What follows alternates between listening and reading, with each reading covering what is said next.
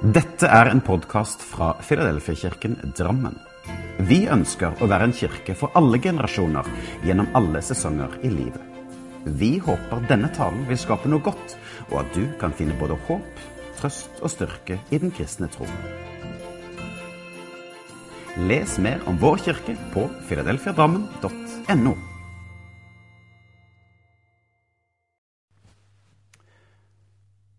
Jeg vet ikke hvilket forhold du har til brus. Når jeg skal eh, gå på butikken og handle inn for helga, så opplever jeg at det er mange som tar med seg en sekspakning med Pepsi Max. Denne brusen har tydeligvis blitt veldig populær de senere årene. Jeg for min egen del jeg drikker ikke så mye brus i året. Men når kalenderen viser oktober, da er det en helt spesiell brus som ankommer butikkene.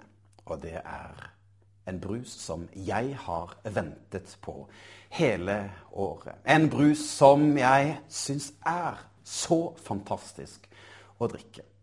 Og brusen jeg prater om, det er selvsagt julebrusen. Og det er ikke hvilken som helst julebrus.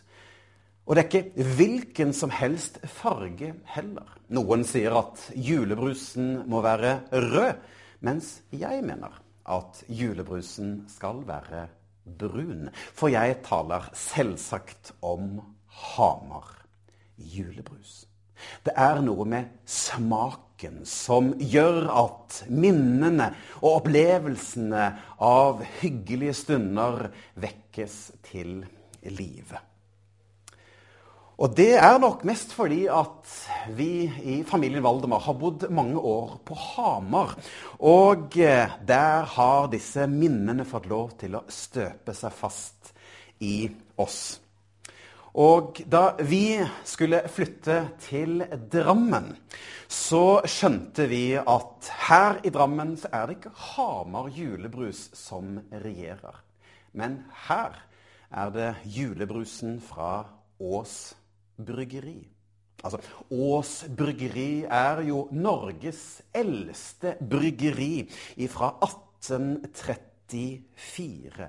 Og da jeg skulle introdusere Hamar julebrus for mine nye venner i Drammen, så ristet de på hodet. For julebrusen her i byen kommer fra Ås bryggeri. Jeg har kalt denne preken for 'Kom og se'. Og vi skal til Johannes evangelium, nærmere bestemt til kapittel 1. Og Johannes evangelium er høyst sannsynligvis skrevet av apostelen Johannes. Han var sønn av Sebudeus og bror til Jakob. Og begge disse to ble da etter hvert disipler av Jesus. Johannes var selv til stede under Jesu korsfestelse. Og eh, Johannes' evangelium er kjent for sitt bilderike språk og hvem Jesus er.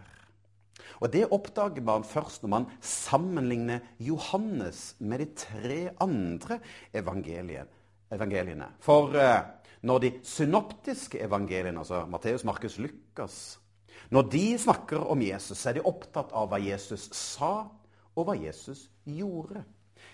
Men eh, Johannes er mer opptatt av Jesu identitet. Og her i Johannes evangelium så møter vi en mengde metaforer for å beskrive Jesus. Ja, her møter vi at Jesus er livets brød, det levende vann. Det, han er verdens lys. Han er døren, den gode gjeter og det sanne vintre. Og Vi skal altså til bibelteksten i kapittel 1. Og Jesus han har nå så vidt begynt sin tjeneste. Og Døperen Johannes har òg nylig døpt Jesus. Og trolig har Jesus nylig vært 40 dager i faste og fristelse i Judeørkenen. Vi skal lese fra vers 35 til 43. Og jeg leser ifra Hverdagsbibelen. Dagen etter sto Johannes sammen med to av disiplene sine da Jesus kom gående. Da sa Johannes, se, der er Guds lam.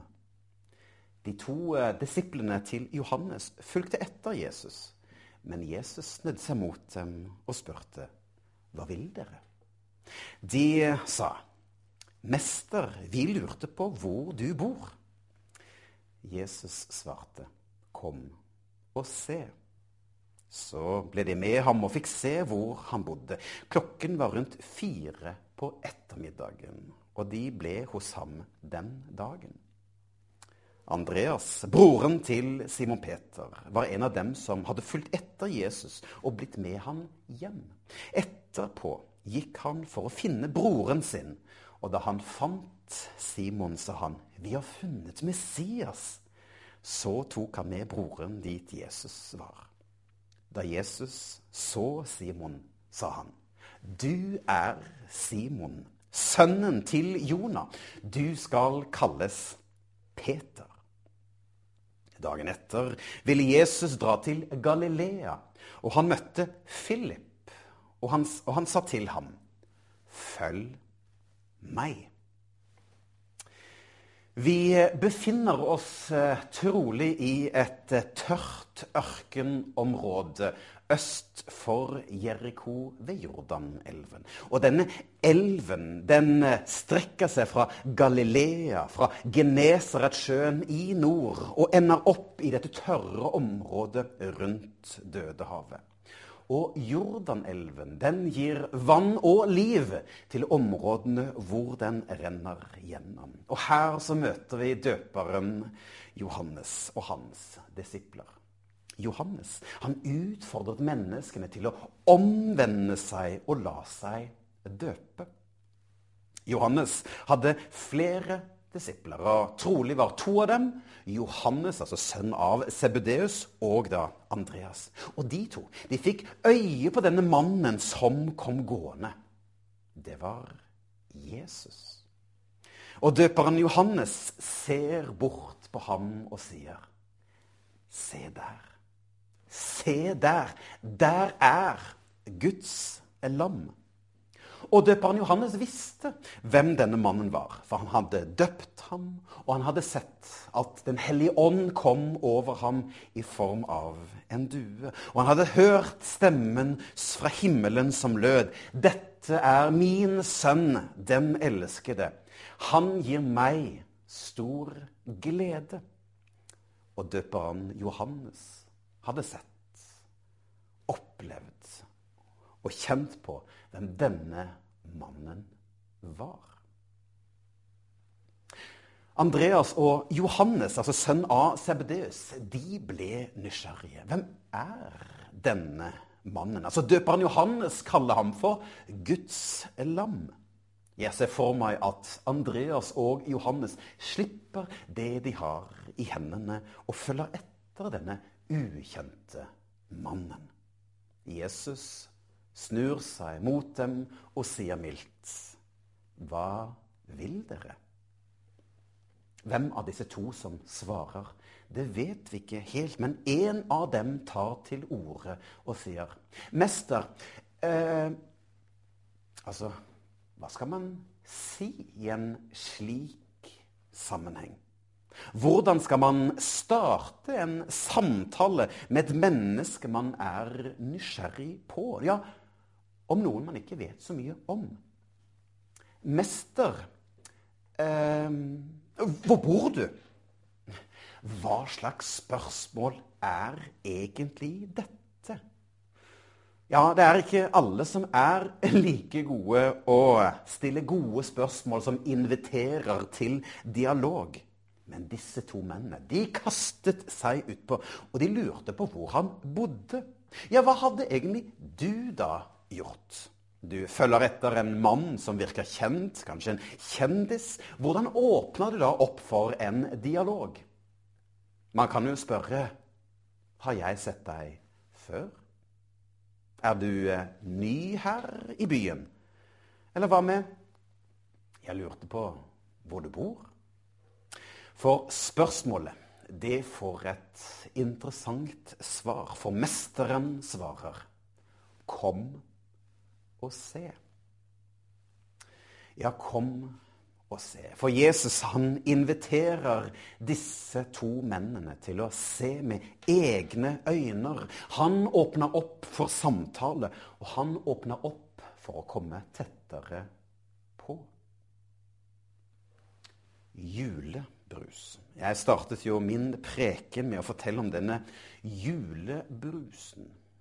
Og da jeg skulle få drammenserne til å smake på denne julebrusen som jeg er så utrolig glad i Og jeg visste jo om deres uvitenhet.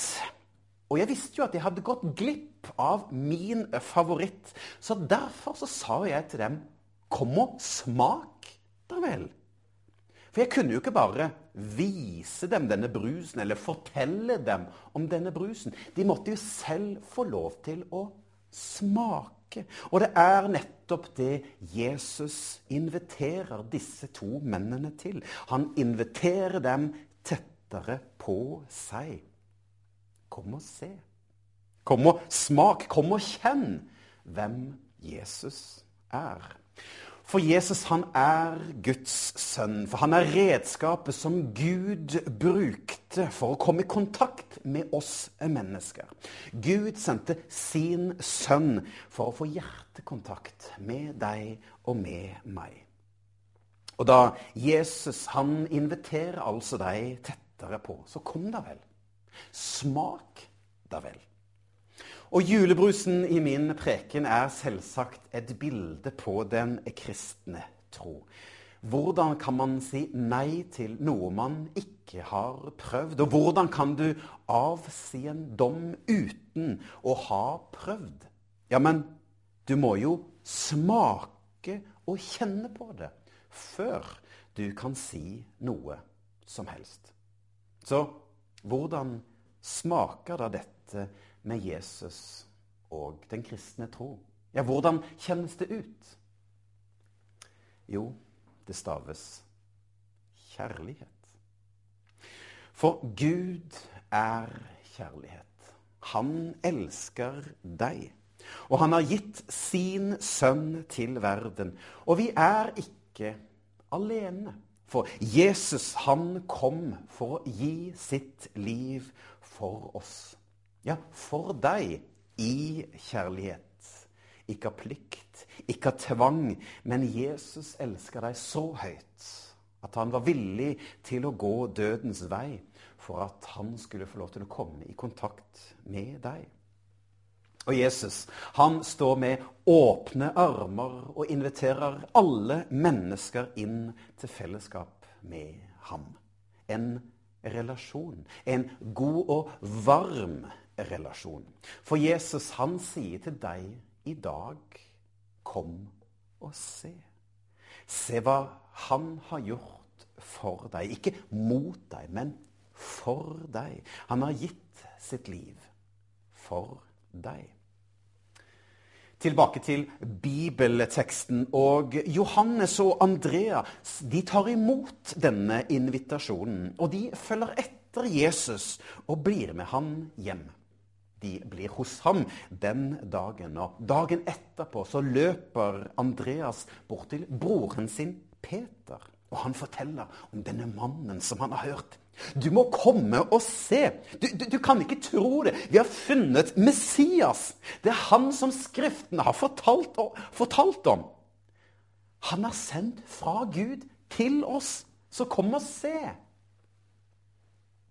Vi vet ikke om Peter spratt opp eller om han motvillig ble med. Men vi leser om det første som skjedde da han møtte Jesus. For Jesus, han sa, 'Du er Simon, sønnen til Jonas.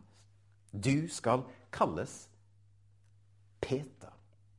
Og på aramesk, altså dette språket som Jesus talte, så eh, heter dette klippet, altså stein, klippe, for Kefas. Og eh, på latin så oversettes dette ordet til Petrus. Eller da på norsk Peter. Og Jesus, han kjenner oss. Han vet hvem vi er. Han kjenner vårt indre. Han, har, han vet hva du heter, og han vet òg hva som kommer. Simon ble kalt for Peter, som betyr klippe. Og ved en senere anledning så sier nemlig Jesus til Peter om det som lå for ham. For Jesus sa, 'Du er Peter, og på denne klippen vil jeg bygge min menighet.' Og dødsrikets porter skal ikke få makt over den. Og likeledes så skjedde det med Philip i teksten. For dagen etter så dro da Jesus opp til Galilea, og der møtte han Philip. Og det første Jesus sier til Philip, er Følg meg. Samme som Johannes, Andreas og Peter, så tar Philip imot Jesu invitasjon. De sier ja til å følge ham. Og de tok imot utfordringen og begynte da en spennende reise. Og de tre neste årene så fikk Peter, Johannes, Andreas og Philip og de andre disiplene lever tett på Jesus. De fikk lov til å se at Jesus mettet 5000. De fikk se at Jesus stillet stormen. De fikk oppleve at Jesus gikk på vannet. Og de var der da Jesus vekket Jairus datter til live. Og de fikk selv få lov til å smake på brødet og vinen ved, på skjærtorsdag. Og de var selv der da Jesus ble arrestert. Johannes var der da Jesus ble spikret fast til korset. Og han fikk lov til å være vitne til at Jesus sier det er fullbrakt. Det er fullført. Oppdraget er ferdig. For oppdraget med å overvinne syndens og dødens makt var nå fullført. De tok imot Jesus sin invitasjon som sier 'Kom og se'. Følg meg. Og alle mennesker er invitert til å komme tett på, smake på og erfare hvem Jesus er. Og vi er invitert til å følge ham. Ja, ikke som en saueflokk uten mål og mening, men vi er alle invitert til å ha Jesus som forbilde. Til at hans gode planer for vårt liv skal prege oss. Ja, til å leve et liv hvor Jesus, Guds sønn, er den som setter retning i vårt liv. Så om du tror eller ikke tror så mye, så er denne teksten en invitasjon til et tettere og nærere fellesskap med Jesus. Om du kjenner at dagene er tunge og lidelsen er stor, ja, da er du invitert.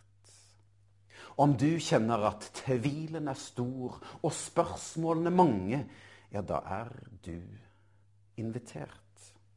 Om du strever, eller om du føler deg knust, ja, da er du òg invitert.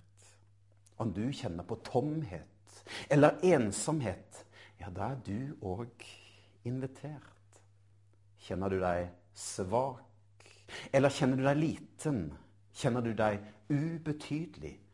Du er invitert. For Jesus han står med åpne armer og sier, 'Kom til meg, alle dere som strever og bærer tunge byrder, for jeg vil gi deg hvile.' Samtidig så er du som føler deg på livets topp, invitert. Du som føler at livet er som en dans på rosen, eller om du føler deg uovervinnelig, ja, men du òg er invitert. Eller om du føler deg midt i livet, midt på treet eller midt imellom, ja, men du er òg invitert. For alle er invitert til å komme tettere på himmelen. Ja, til å få en himmel over livet. For Gud selv har gjort seg til kjenne gjennom Jesus Kristus. For gjennom Jesus så har Gud vist seg sitt ansikt. Du er invitert. Og velkommen til en personlig og varm relasjon med Gud selv. Du kan derfor be denne enkle bønnen i dag.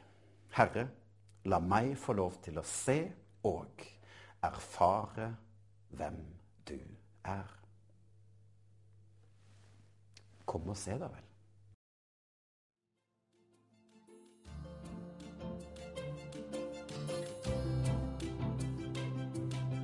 Som en avslutning på denne podkasten ønsker vi å lyse Herrens velsignelse over deg. Herren velsigne deg og bevare deg. Herren lar sitt ansikt lyse over deg og være deg nådig. Herren løfte sitt åsyn på deg og gi deg fred.